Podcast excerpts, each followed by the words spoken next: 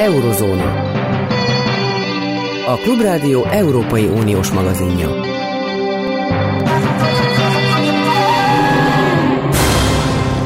Jó napot kívánok! A Klubrádió mikrofonjánál Kárpáti János. Az Eurózóna mai adásában a közel-kelettel, az Egyesült Királysággal, valamint a kaukázusi térséggel foglalkozunk. Tartsanak velünk! Eurozóna. Kezdjük akkor a közel-kelettel. A vonalban itt van velünk Csicsman László, a Corvinus Egyetem dékánya. Jó napot kívánok! Jó napot kívánok! Hát Joe Biden, amerikai elnök tegnap túlzásnak nevezte az izraeli hadsereg gázai műveleteit. Hozzátéve, hogy a palesztin civilek védelme érdekében igyekszik hosszú távú szünetet elérni a harcokban. Miközben viszont Benjamin Netanyahu kitart amellett, hogy hát nem állnak le, amíg fel nem számolják a Hamászt. Mit jelent Biden megfogalmazása? Washington tényleg erőteljesebben kívánja-e érvényesíteni az akaratát Izrael szemben, vagy hát egy angol szófordulattal élve pusztán az ajkak által nyújtott szolgáltatásról, magyarán üres domáról van-e szó?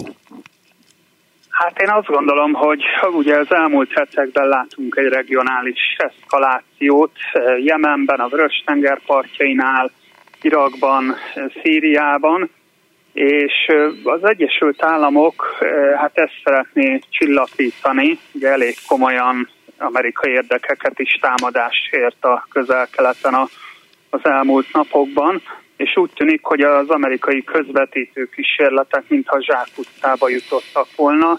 Blinken külügyminiszter ötödik alkalommal járt a közel-keleten, hogy így az elmúlt eh, heteket számoljuk, és hát alapvetően Egyiptommal, Katárral egy tűzszüneti javaslaton dolgoztak, egy 145 napos tűzszüneti javaslaton, amelyet, eh, amelynek a részletei pontosan nem tudjuk, viszont ezzel kapcsolatban a Hamas kifejtette a véleményét, amely Izrael számára pedig elfogadhatatlan. Ez lényegében az eh, Izraelnek a teljes kivonulását követeli a gázai vezetből. Tehát azt lehet mondani, hogy ezen a ponton az amerikai közvetítő kísérletek nem jártak sikerrel, tegnap Blinken úgy nyilatkozott, hogy már még itt hosszú tárgyalások vannak hátra, hogy sikerüljön elérni ezt a 145 napos tűzszünetet. Tehát én azt gondolom, az Egyesült Államoknak az a célja, hogy csillapítsa ezt a közel-keleti eszkalációt, és bizony ehhez az szükséges, hogy legyen egyfajta tűzszünet is. A pillanatnyi katonai helyzetet hogy lehetne jellemezni? Tehát ugye úgy kezdődött az izraeli katonai művelet, hogy először a gázai övezet északi részét támadták, és azt az ott lakóknak azt mondták, hogy menjenek délre. Aztán a déli részt is támadták. Közben üresen maradt-e valamelyest az északi rész. Én láttam egy olyan jelentést, ami arról szólt, hogy, hogy az izraeli bombázások, támadások után nem sokkal előjöttek a romok közül a hamászosok, és a beosztottjaiknak fizetést kezdtek adni, készpénzben természetesen, ugye az ATMS eh, módszer ott most nem igazából működik, de, de szóval, hogy, hogy ez egy szinte lefejezhetetlen sokfejű szörny a Hamász, és, és gyakorlatilag ahonnan az izraeliek kiteszik a lábukat, ott újra ott van megint a Hamász. Mit tudunk erről eh, verifikálható módon? Hát azt látjuk, hogy a katonai hadműveletek kvázi az utolsó fázisuk felé közelednek. Ugye egy terület van, ahol szárazföldön még nem számolta fel a Hamas infrastruktúráját Izrael, ez dél, az, az egyiptomi határtól nem messze a Rafaki, Rafak városa maga, ahová egyébként több mint egy millió izraeli, bocsánat, egy millió gázai palesztin húzódott vissza, hiszen ahogy említettük is, Izrael ezt kérte az elmúlt hetekben. Úgyhogy igazából az amerikai kijelentés is ezzel kapcsolatos, hogy túlzó lehet az, ami az elkövetkezendő napokban következik, hogyha Izrael támadást indítana a várossal szemben. Már pedig ugye több ok miatt, így például Netanyahu politikai túlélése miatt is, azt gondolom, hogy ez a támadás be fog következni. Na most a Hamas, igen, ez egy, egy network, ami nem, nem egy sima szervezetről van szó, hanem, hanem nyilván az infrastruktúráját jelentős kár érte. Az is igaz, hogy számos vezetőjét sikerült Izraelnek likvidálni, de a szervezetet nem sikerült felszámolni. Ez természetesen nehéz jelen pillanatban verifikálni, de hát látjuk azt, hogy a Hamas tárgyaló delegációja például jelenleg Kairóban van, és egyeztetnek a tűzszünetnek a részleteiről, amit hát végül is nem sikerült keresztül vinni, de, de a szervezet az mindenképpen tovább él, és nem csak azért, mert vezetők Dohában vagy máshol vannak a világon, hanem, hanem a gázévezetben is, és azt gondolom, hogy ez a jelenlegi katonai akció pedig a, az utánpótlását a szervezetnek mindenképpen elő fogja segíteni valamilyen formában. Ennek a tűzszünetnek a megteremtése egyfajta hát lehetetlen küldetésnek tűnik, mert Egyfelől Izrael azt mondja, hogy megkívánja semmisíteni a Hamászt, amelyel tárgyal. Ki akarja szabadítani az összes még életben levő túszt? Na most, hogy tudja ezt elérni azzal szemben, akit megsemmisíteni akar, hogy, hogy a, a túszok kiszabaduljanak, és, és eközben a támadásaival viszont óhatatlanul azt a veszélyt idézi elő, hogy saját maga öli meg a túszokat. Mit tudunk például ezekről az alagutakról? Láttam egy olyan jelentést, ami arról szólt, hogy az izraeli hadsereg tengervízzel árasztja el a gázai övezetben talált alagútrendszer jelentős részét és hogyha a túszok is ott vannak, vagy egy részük? Igen, hát ezzel kapcsolatban a már kiszabadult túszoktól azért elég sok mindent tudunk, tehát valóban volt, aki például megsérült vagy meghalt, akár izraeli légitámadás keretében, vagy éppen azért, mert a Hamas eh, bánt erőszakosan, vagy éppen nem adott megfelelő gyógyszert a, a túszoknak. Azt tudni kell, hogy Izraelben a társadalom számára ez egy prioritás, hogy az életben lévő túszok kiszabaduljanak. Hát 130 főről beszélünk, akiknek körülbelül az ötöde életét vesztette, nem tudjuk pontosan, hogy milyen okoknál fogva.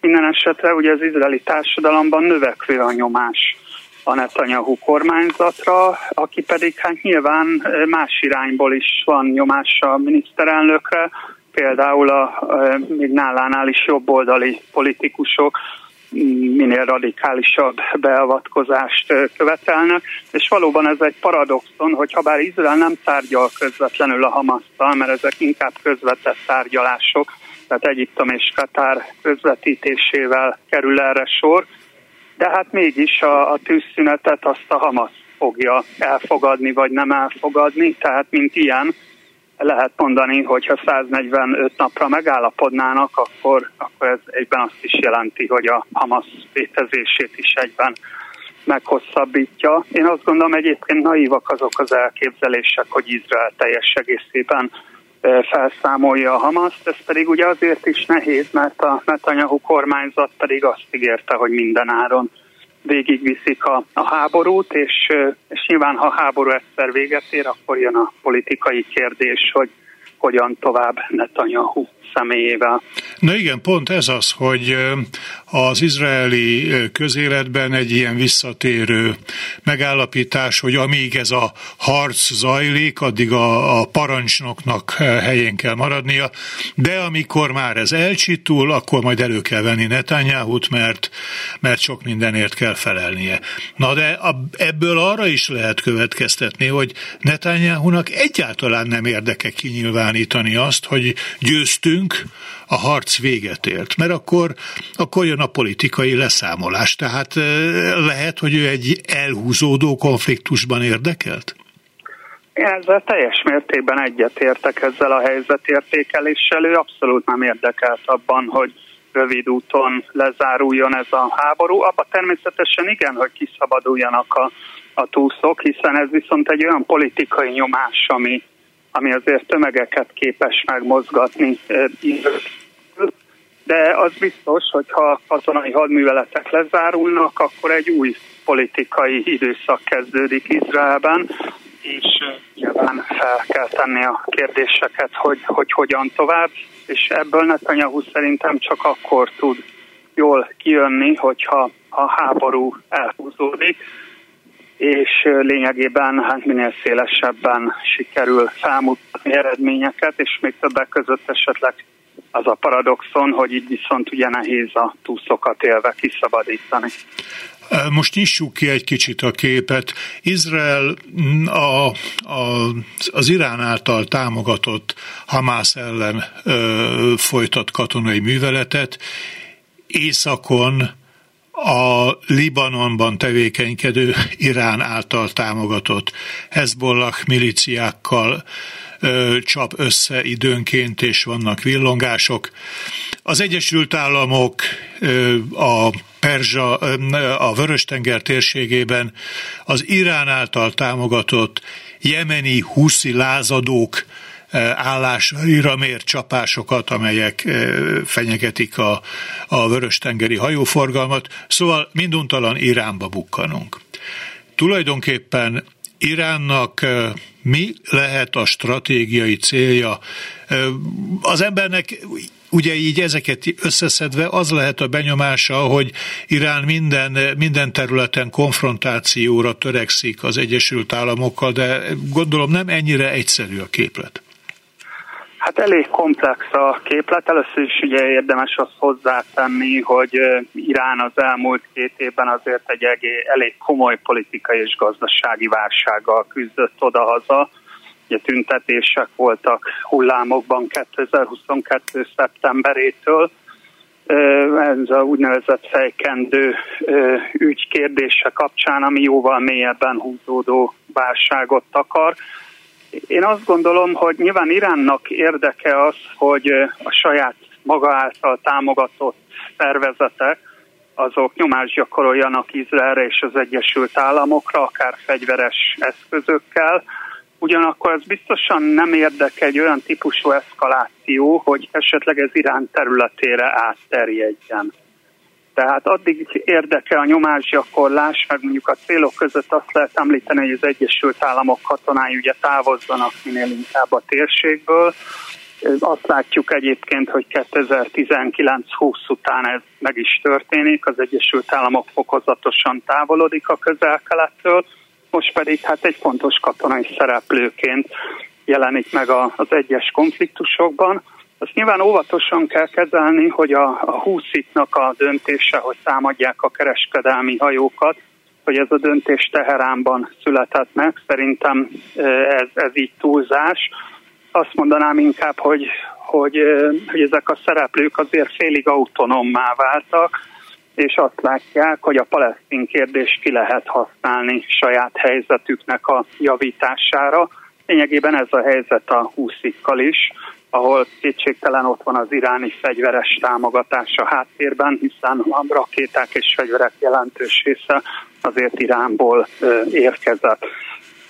És hát ugye azt kell látni, hogy míg Izrael Szíriában vagy Libanonban végrehajtott légi csapásokat, de Jemenből érkező rakéták vagy Izrael irányába érő támadást, azt inkább úgy tűnik, hogy az Egyesült Államokra bízta, illetve hát most az Egyesült Államokra és a szövetségeseire, amely hát végül is nem tudja azért teljes mértékben kezelni a vörös tengeri helyzetet, finoman fogalmazva. Na most mindazonáltal, hogy Irán azért ott van számos bajforrás mögött, valóban, amit ön említett, hogy Irán elkívánná kerülni azt, hogy a saját területére is ez átterjedje már, mint az erőszak, a harcok ezt, ezt nagyon pessimistán nézve van esély arra, hogy, hogy Irán el tudja kerülni, vagy, vagy gyakorlatilag az Egyesült Államokban úgy tűnik, Washingtonban a,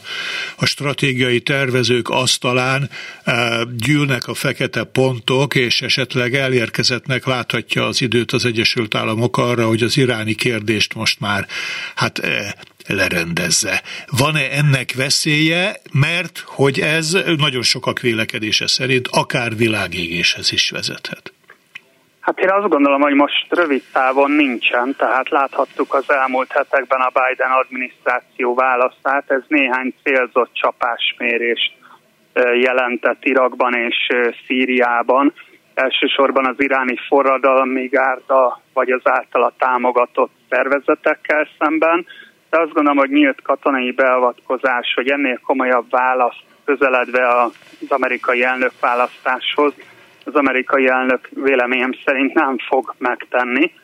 Ugyanakkor a másik oldalon azért arra is érdemes felhívni a figyelmet, hogy azért Iránban elég komoly merényletek voltak az elmúlt időszakban, amelyeket nyilván az iráni vezetés retorikája előszeretettel az Egyesült Államok és Izrael hát rovására emleget.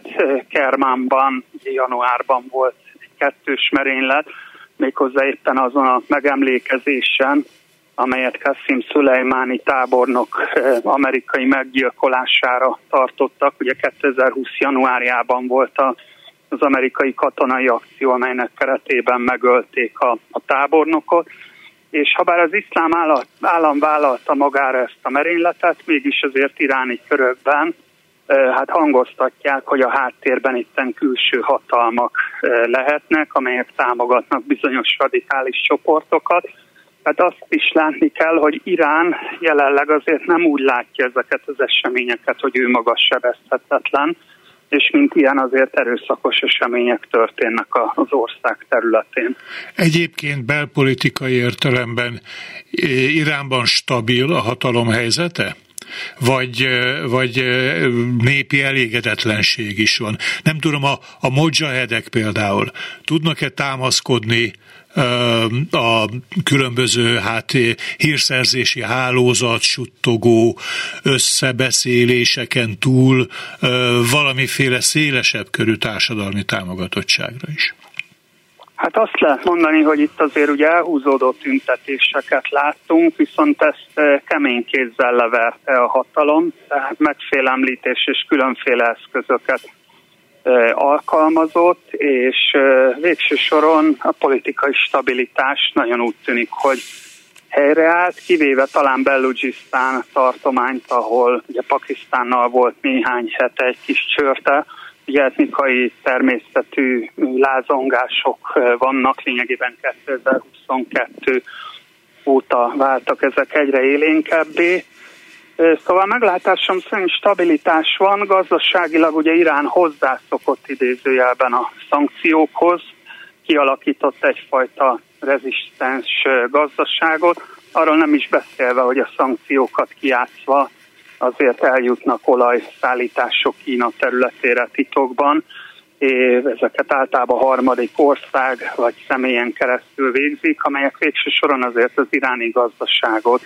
életben tartják, tehát hogy egyelőre Iránnak az összeomlásától én nem tartanék, azzal együtt, hogy azért a problémák azért megvannak. Most Iránnak a térségben a nagy ellenlábasa, riválisa Szaudarábia. Izrael október 7-e előtt, hát e, hosszú értelemben véve ezt a e, előtt időszakot, különböző megállapodásokat kötött konzervatív arab monarchiákkal, és, és hát ugye a nagy falatnak az ígérkezett, hogy talán sikerül majd Szaudarábiával is normalizálni a viszonyt, ami, ami nyilvánvalóan fordulópontot jelentene a közelkeleti helyzetben, hogyha uh, Jeruzsálem, mármint Izrael és Riád uh, egymással normalizálná a, a viszonyát. Ezt az október 7-i terrortámadás nyilvánvalóan illetve az azt követő arra adott izraeli reagálás. Leállította, Szaudarábia most nem folytatja ezt a, ezt a közeledést Izraelhez. De ha a harcok majd elcsitulnak, akkor a két állami megoldást mereven elutasító Netanyahu álláspontja helyett teret nyerhet a két állami megoldás gondolata, és, és ebben az esetben ez előmozdíthatja Izrael és Szaúd-Arábia kapcsolatainak az újbóli hát erősítését, ami aztán elvezethetne a, a palesztin állam valamiféle pénzügyi megtámogatásához, tehát nem csak létrehozásához, hanem ahhoz is, hogy valamilyen stabil gazdasági alapokon tudjon nyugodni ez a palesztin állam. Hát valóban ez egy kulcskérdés, hiszen ugye Irán és Szaudarábia is közeledett a tavalyi évben egymáshoz. Szaudarábia Izraelhez, tehát egy fajta átfogó normalizációnak vetett véget az október 7-i terrormerénylet a Hamas által, és valóban leálltak a tárgyalások, sőt Szaudarábia azt lehet mondani vezető szerepét próbálta megmutatni az egész közel-keleten, azzal, hogy több konferenciát hívott össze november folyamán Riadban, többek között az iráni elnök is ott jár, mutatva, hogy van egy egységes álláspont, amit tegyük hozzá, hogy nincsen egyébként, mert azért itt nagyon eltérő álláspontok vannak. Viszont Szaúd-Arábia az elmúlt napokban, hetekben egyértelműen a két államos megoldást hangoztatja. Ez nagyon messze van attól, ami a realitás jelenleg a közel-keleten, és véleményem szerint Netanyahu személyét kivesszük ebből a történetből, az izraeli társadalom jelen pillanatban akkor sem fogadná el ezt a két államos megoldást, és talán az október 7-i merénylet az még inkább messzebbre vitte ezt a két államos megoldást. Hiába van egy ilyen típusú nyomásgyakorlás. Tehát én azt gondolom, hogy ebből a szempontból nehéz időszak következik Szaúd-Arábia és Izrael kapcsolatában, miközben egyébként azért azt gondolom a palesztin kérdés leszámítva, érdekeltek a gazdasági és politikai együttműködésben, és talán azt is érdemes megemlíteni, hogy a korábban aláírt Ábrahám megállapodásokat sem lehet a kukába dobni, hiszen ha bár e, nyilván elhangzottak kritikák Izrael irányába, de egyik ország sem mondta fel ennek a tartalmát, sőt, hát a gazdasági politikai kapcsolatokban ugyan volt egy, egy kis visszalépés, ugye Jordánia kapcsán is, de hogy alapvetően azt lehet mondani, hogy életben vannak ezek a megállapodások, és hogy biztos néhány hét múlva, ha véget érnek a harcok, akkor elő lehet venni ezeket a kérdéseket. Hát egy nagyon régóta húzódó, megoldatlan problémakör pillanatképét vázoltuk fel Csisman Lászlóval, a Corvinus Egyetem dékányával. Nagyon szépen köszönöm a beszélgetést és a tájékoztatást. Minden jót kívánok! Eurozóna.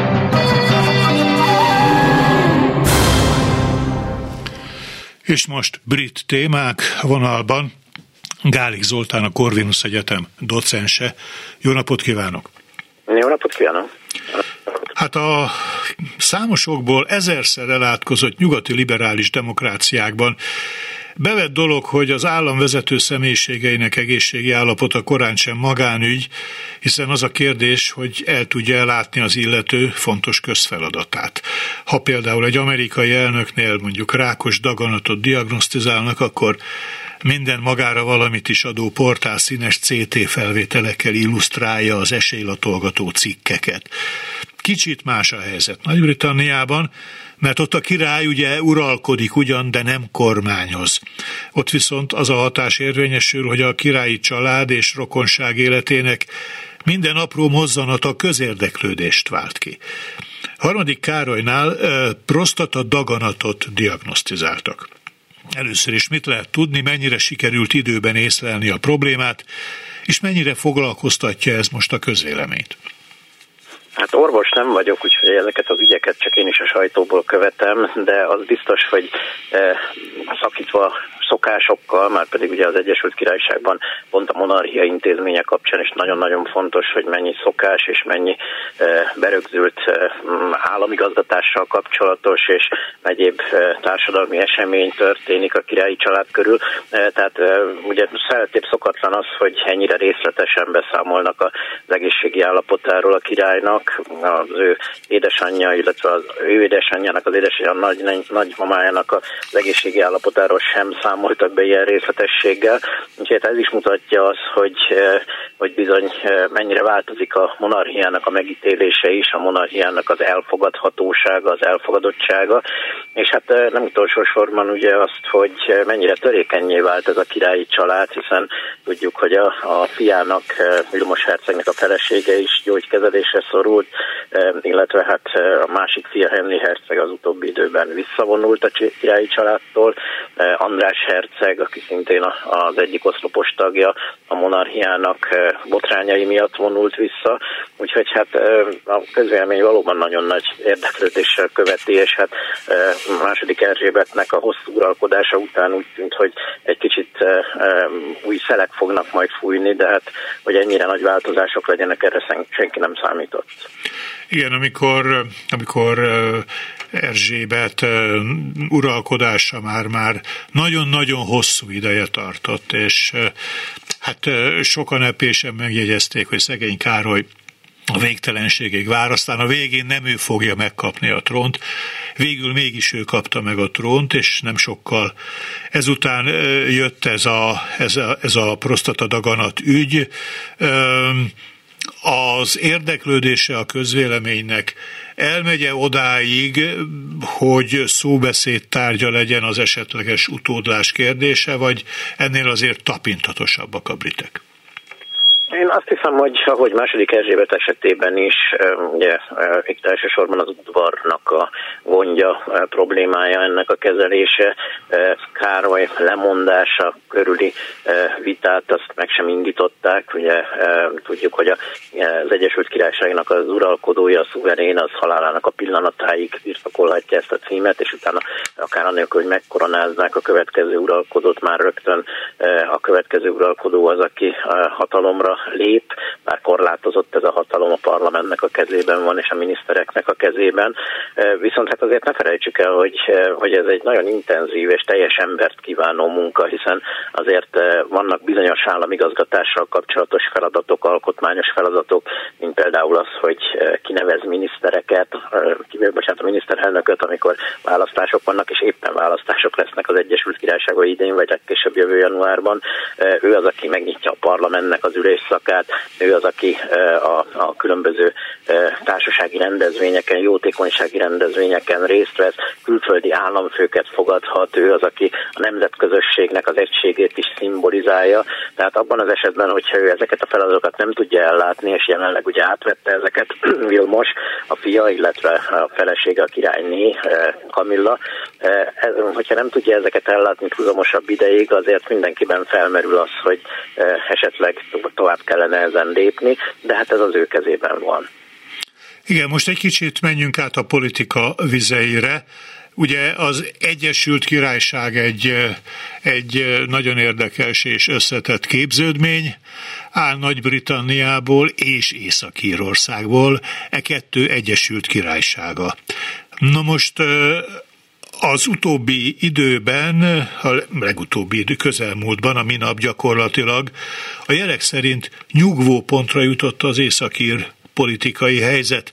Helyreállt az országrész önkormányzatisága. Avassa be a hallgatókat, legyen kedves abba, hogy miről is van itt szó pontosan, és miként függ ez össze a Brexittel, azzal, hogy az Egyesült Királyság kilépett ugyan az Európai Unióból, de Észak-Írország és az Ír köztársaság között nincs vámellenőrzés, már pedig az írköztársaság az Európai Unió része maradt, hogy lehet ezt feloldani, és mennyire sikerült ezt végül is feloldani ezt a problémát. Igen, hát dióhéjban ugye azt kell tudni, hogy az 1960-as évek vége, főleg a 70-es évek eleje óta tartott az a nagyon kiélezett helyzet, eh, ami eh, számtalan eh, katonai akcióban is megnyilvánult. Az Egyesült Királyság és Észak-Írország területén hajtott végre ugye több robbantást is az ottani nacionalista katonai szervezet, majd pedig ez 98-ban a nagypénteki egyezménnyel sikerült megoldani ezt a helyzetet, bár igazándiból csak 2007-ben állt helyre helyre eh, a, a politikai rendszer, amikor újra sikerült eh, az önkormányzatiságot érvényesíteni és az ottani parlamentet meg beindítani. Ennek a megállapodásnak az volt a lényege, hogy az unionisták, illetve eh, ugye azok, akik az Egyesült Királysággal való unióért harcolnak, főleg ugye itt a protestáns felekezeti háttérrel rendelkező pártok és mozgalmak, illetve a katolikusok fele-fele arányban osztozhatnak a hatalmon, és egy olyan megállapodás született, ami a parlamentet így visszaállítja, és bizonyos ügyekben önkormányzatiságot biztosított ennek a testületnek. És ez az, amit nem sikerült 2020-ban a választások után érvénybe léptetni. Ugye először a történelemben a katolikusok kerültek többségbe, ők alkothatták volna ennek a kormányzatnak a, a, a meghatározó erejét, illetve ők hatják az első minisztert. Viszont pontosan emiatt az Európai Uniós megállapodás miatt, ami az északi területeket egyrészt az Európai Vámunión belül hagyja, másrészt az Európai Szabályozási Rendszeren belül, ezzel nagyon elégedetlenek voltak az ottani protestáns közösségek, és nem voltak hajlandók ebbe a koalícióba belépni, amiben, hogyha nem lépnek be, akkor nem indulhat el a szabályok szerint. Ugye mondván, Most... hogyha, hogyha nem az Európai Unióval van egy fal, akkor Nagy-Britániával keletkezik fal. Fal valahol keletkezik, de ezt ők nem tudták elfogadni, hogy a Nagy-Britániával keletkezzen hát mondjuk a fal. azt, hogy ennek ugye a, a, a praktikus része volt az, ami nagyon nehezen működött valóban. Ugye itt a, a különböző áruknak az ellenőrzése, a különböző egészségügyi szabályoknak a betartatása, ez a Nagy-Britannián belüli határszakaszon érvényesült. Viszont az új megállapodás, amit a Sunáknak a kormánya elért immáron két évvel ezelőtt, nagyon megkönnyíti ezt a helyzetet. Nem kell például minden árut ellenőrizni, lehet a zöld, piros folyosókon vinni át az árukat, megkönnyebbítették a különböző szabályozási hatóságoknak a működését, és a Kirország területén a brit hatóságoknak. És hát ez a folyamat ez oda vezetett, hogy ezt végül is most elfogadta az unionistáknak a szövetsége, és beléptek a kormányzatba. Ami nagyon érdekes viszont, hogy ez nem jelenti azt, hogy Írországnak a függetlensége az, bocsánat, Észak-Írországnak a függetlensége nagyon gyorsan előtérbe kerülne. Mindenki óckodik még ettől, azt mondják, hogy ebben az évszázadban lehetséges ugyanez, de egyelőre nem aktuális, 31%-a gondolkodik így az embereknek, hogy ez most ideje lenne ennek. Viszont megjelent egy új politikai erő, ugye ez az Alliance, vagy a Szövetség nevű politikai erő, aki egy harmadik erőként beférkőzött a politikai palettába, és hát nagyon érdekes, hogy az a nagypénteki megállapodás, ami most már ugye nagyon hosszú időre tekint vissza, nem tudja kezelni ezt a helyzetet. Ugye ez a prioritásos rendszerben azt jelenti, hogy nem az északír ír kapcsolatok, vagy északír függetlenség, vagy az északír országnak, az északír területeknek Írországhoz való kapcsolódása lenne a fő cél, hanem sokkal inkább az embereknek a mindennapos problémája, az Európai Uniós kérdéseknek a rendezése, és hát az valószínűleg előbb-utóbb majd oda vezet, hogy át kell gondolni, hogy működhet-e ilyen keretek között a nagypénteki megállapodás. És ez a megállapodás, hogy, hogy tulajdonképpen a, az északír helyzet valamelyest megnyugodott, ez segíti-e a Londonban kormányzó konzervatív pártot, amely, mint ön említette, hát választásra kénytelen készülni ebben az évben? Hát ugye azt kell tudni, hogy történelmi mélyponton van a konzervatív pártnak az elfogadottsága, 21-2 százalékot ismertek, és a munkáspártnak pedig 40 százalék fölötti támogatottságot, ami még akár a 1997-es Tony Blair által jelzett hatalmas választási győzelemnél is nagyobb választási győzelmet láttat most. De hát a probléma az van, ugye talán azt lehet mondani, hogy ezer ágból vagy ezer sebből vérzik a, a tori kormányzat és a tori párt, és hát ez az egyik lenne, talán ezzel most nem kell annyit foglalkozni, viszont most vezetik be egyébként ebben a kérdésben az Európai Unióból történő áruknak a vámol, vámolását, ami, ami ugye késlekedett már két éven keresztül, és meg további elégedetlenségeket szíthat. De hát elsősorban ugye, amivel probléma van itt a gazdaságnak a helyzete, illetve a bevándorlási kérdésnek a, a, a problémái, amit nem tudtak megoldani. Úgyhogy talán nem ez lesz az Európai Uniós kérdés most a fő probléma terület, hanem más területek, de ahogy mondtam, itt történelmi mélyponton vannak a konzervatívok. Na most ez egy nagyon érdekes dolog összevetve Magyarországgal, csak egész röviden a konzervatívok népszerűtlensége felhozza a munkáspártot. Magyarországon ez nem így van. De visszatérve Londonhoz, az, hogy, hogy a munkáspárt népszerűségének a, a, a magaslatára tudott emelkedni, abban abban személyes érdemek vannak valaki részéről, vagy egyszerűen a, a britek azt mondják, hogy ha nem ez, akkor az? Hát azt lehet mondani, hogy itt a, a konzervatív pártot Boris Johnsonnak a, a miniszterelnöksége óta számtalan kritika éri és hatalmas botrányok övezték. Ugye Johnson talán azzal került a konzervatív párt élére 2019-ben, hogy meghozza számára az egységet. Ugye emlékszünk a Brexit alatt micsoda hihetetlen széthúzások voltak, e, és ő volt az, aki végre a Brexit kérdésnek a letudása, a helyzetnek a megoldása irányába próbálta elmozdítani a konzervatívokat, az országot. Nagyon sok olyan munkáspárti körzetet hozott el, ami tradicionálisan a munkáspártnak a fellegvára volt.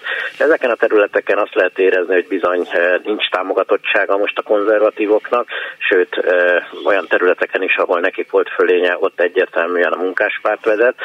Megint csak fölmerült ugye a, a Nigel Farage által korábban Brexit pártnak, most pedig az új nacionalizmus jegyében születendő és a bevándorlást elítélendő és a, a hatalmi elitet kritizáló pártjának a térnyerése, ami a konzervatívoktól nagyon érzékeny szavazatokat vihet el.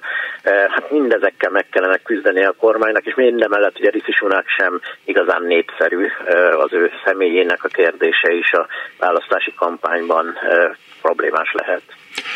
Gálik Zoltának nagyon szépen köszönöm a beszélgetést, feszülten várjuk. Mikor lesznek a választások Nagy-Britanniában? Ebben az évben legkésőbb ugye 2025. januárjáig kellene, de elképzelhető, hogy ebben az évben kiírják, ugye ez a miniszterelnöktől függ. Köszönöm szépen a beszélgetést, feszülten várjuk az eredményét a választásoknak. Viszont hallásra minden jót kívánok! Eurozóna. Most a kaukázusi térség három volt szovjet tagköztársaságával, Azerbajdzsánnal, Örményországgal és Grúziával foglalkozunk. A vonalban Bendarzsevszki Anton, jó napot kívánok!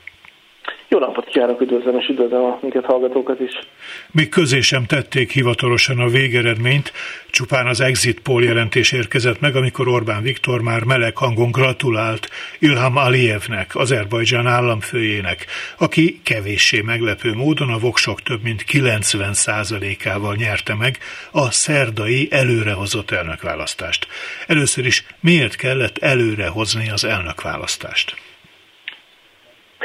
Azerbajdzsán ősszel egy nagy győzelmet aratott, visszaszerezték a jogilag és egyébként Azerbajdzsán területe részeként képző hegyi Karabakot. Ez két lépcsőben történt meg, egyszer 2020-ban futottak neki, akkor csak részben sikerült visszaszerezni Karabakot, és 2023-ban kihasználva Oroszország lekötöttségét Ukrajnában Azerbajdzsán végleg visszaszerezte, legalábbis jelenleg úgy tűnik, hogy végleg visszaszerezte hegyi Karabakot, és ezzel az azeri mm, társadalom számára egy, most az azeri társadalom érzéseit mondom, a számukra egy történelmi igazságtalanság oldódott fel, ugye 90-es években elveszítették Karabakot, most Alievnek köszönhetően visszaszerezték, és ezt az azeri elnök igyekezett kihasználni, és nyilván most van egy nagy társadalmi támogatás mögötte, van egy nagy, nagy társadalmi eufória mögötte, és emiatt hirdette meg nagyon hirtelen, decemberben az előrehozott elnökválasztásokat, hogy kihasználja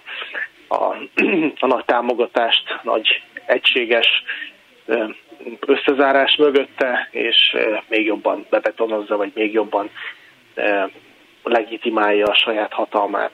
Tehát elsősorban ennek, ezzel magyarázható a, a, az előrehozott elnökválasztás. De ugye enélkül is tulajdonképpen meglehetősen stabil volt az elnök helyzete. Abszolút, ez Aliyev számára egy, egy, egyfajta szimbólum, hiszen apja alatt veszítette el Azerbajdzsán a hegyi Karabahot, és Aliyev ezzel is próbálta mutatni, hogy az, ami esetleg az elődje alatt hiba volt, vagy, vagy egyfajta igazságtalanság volt, azt ő, az előző elnök fia helyrehozta. Tehát ebben, ebben elsősorban szimbólumokat kell keresni, nem azt, hogy ö, hogy mondjam, hogyha nem most történnek meg a választások, hanem a, a megfelelő ugye, ciklus szerinti időben, akkor Aliyev ezt elveszítette volna, vagy, vagy kevesebb, vagy jóval kevesebb szavazatot szerez. Most elsősorban itt a szimbólumokban van az erő, a Karabach, az apja, és a ugye, karabahi háború és a mostani sikerek közötti szimbólumok ezzel akarta jelezni Aliyev, hogy nagy változás történt, és ez neki köszönhető. Igen, említette, hogy, hogy Azerbajdzsán kihasználta az oroszok lekötöttségét Ukrajnában. Ugye az oroszok erősen ott voltak korábban Örményország mögött, katonai értelemben is. Ez változott-e az idők során? Tehát hanyagolják-e most már Jerevánt Moszkvában? Érdekes kérdés, hogy hogy hogyan képzelik el egyáltalán Moszkvában a térség jövőjét és a saját maguk szerepét. A, elsősorban Örményország volt az, amely Oroszország segítségére, Oroszország szövetségére építette a politikáját a régióban. Nem is nagyon volt más választása. Örményország erősen elszigeteltségben van, két állam között, amely hogy rossz kapcsolata van Törökország és Azerbajdzsán között. Európára nem számíthatott, az Egyesült Államokra nem számíthatott, Kína messze van, az egyetlen természetes szövetséges ilyen szempontból Oroszország volt, és ugye történelmileg, kulturálisan is adta magát ez a, ez a helyzet. Így Örményország az elmúlt évtizedekben minden oroszok által vezetett integrációba belement, részt vett a, hát nem csak a Független Államok Szövetségében, de az oroszok által vezetett Eurázsiai Gazdasági Unióban, és belépett a 90-es években a Varsói Paktum után létrejött orosz katonai szövetségbe is, a kollektív biztonsági szerződés szervezetébe. Ennek mindennek elsősorban az volt az oka, hogy, hogy Örményország katonai úton 90-es évek elején megszerezte hegyi Karabachot, de joggal tartott attól, hogy Azerbajdzsán megpróbálja majd visszaszerezni ezeket a régiókat, ezeket a területeket, és Örményország abban bízott, hogy Oroszország megvédi, hogyha hogyha ilyen katonai összecsapásra kerül sor, vagy ha netán ugye Törökországgal lenne bármiféle konfliktus. Tehát erre építették fel az egész stratégiájukat, az egész régiós politikájukat, miközben a kapcsolatok rendezésére nem került sor a két említett szomszéddal, de ez a politika nem működött sajnos úgy tűnik, hogy megbukott. Oroszország nem sietett Örményország segítségére. Egyébként az orosz-ukrán háború előtt sem tették meg. 2020-ban, amikor Azerbajdzsán először indította el a katonai csapatait ugye Karabachal szemben és Örményországgal szemben, akkor sem védte meg Oroszország Örményországot. Örményország kérte, hogy utalva ugye erre a katonai szövetségre, de Oroszország nem segített többek között azért, mert nem akarta elrontani, vagy nem akarta kockára tenni a kapcsolatait Azerbajdzsánnal, nem akarta elveszíteni a kapcsolatait Törökországgal. Tehát ez egy nagyon bonyolult geopolitikai játék. Ebben a játékban Örményországnak sajnos nem jutott hely, vagy nem volt kellően fontos prioritásban Oroszország számára, tehát teljesen cserben hagyták a szövetségesüket. Hogy innentől kezdve Oroszország vagy Örményország mit kezd egymással, az megint egy, egy másik kérdés. Úgy tűnik, hogy Örményország próbálna helyezkedni, próbálja most javítani a kapcsolatait a szomszédjaival, felvették a kapcsolatot annál aktívabban az Egyesült Államokkal is, de hát valószínűleg Oroszország sem fogja olyan könnyen elengedni Örményország kezét, főleg, hogy Örményország továbbra is benne van minden, minden oroszok által vezetett integrációban. Cserébe ugyanakkor nem kaptak semmit. Igen. Orbán mostani lelkes jó kívánsága, hát nem különben néhány évvel ezelőtt az azeri baltás gyilkos nagyvonalú kiadatása, mint emlékezetes a szóban forgó katonatiszt Magyarországon nagyon verte örmény tanfolyamtársát. Aztán, amikor a budapesti hatóságok jóvoltából hazakerült Bakuba, rögtön hősként kezdhették ünnepelni. Szóval ezek a gesztusok arra engednek következtetni, hogy a magyar vezetés számára az azeri olajnak, gáznak nincs igazán szaga. A minap viszont Budapesten járt az örmény elnök, tehát ők mifelénk is nyitnak, ha úgy tetszik. A neve egyébként Hacsatúrján, és a jelek szerint Jereván fájtlat borít a múltra, szívesen nyitna új fejezetet a magyar kapcsolatokban. De az azeri örmény viszony normalizálódásában lehet-e bízni? Az örmények nemrég meg nem támadási szerződést javasoltak Azerbajdzsánnak. Van-e ennek valamilyen visszhangja? Hát Örményország tragédiájára ők ebből a konfliktusból nagyon mm, rosszul jöttek ki, egy vereséget szenvedett félként jöttek ki, és hát a vereséget szenvedett féllel a, a másik oldal, a győztes oldal általában hát hogy mondjam, nem egyenlő feltételek szerint kommunikál, nem egyenlő feltételek szerint bánik, és ez abszolút látható ebben a jelenlegi helyzetben is.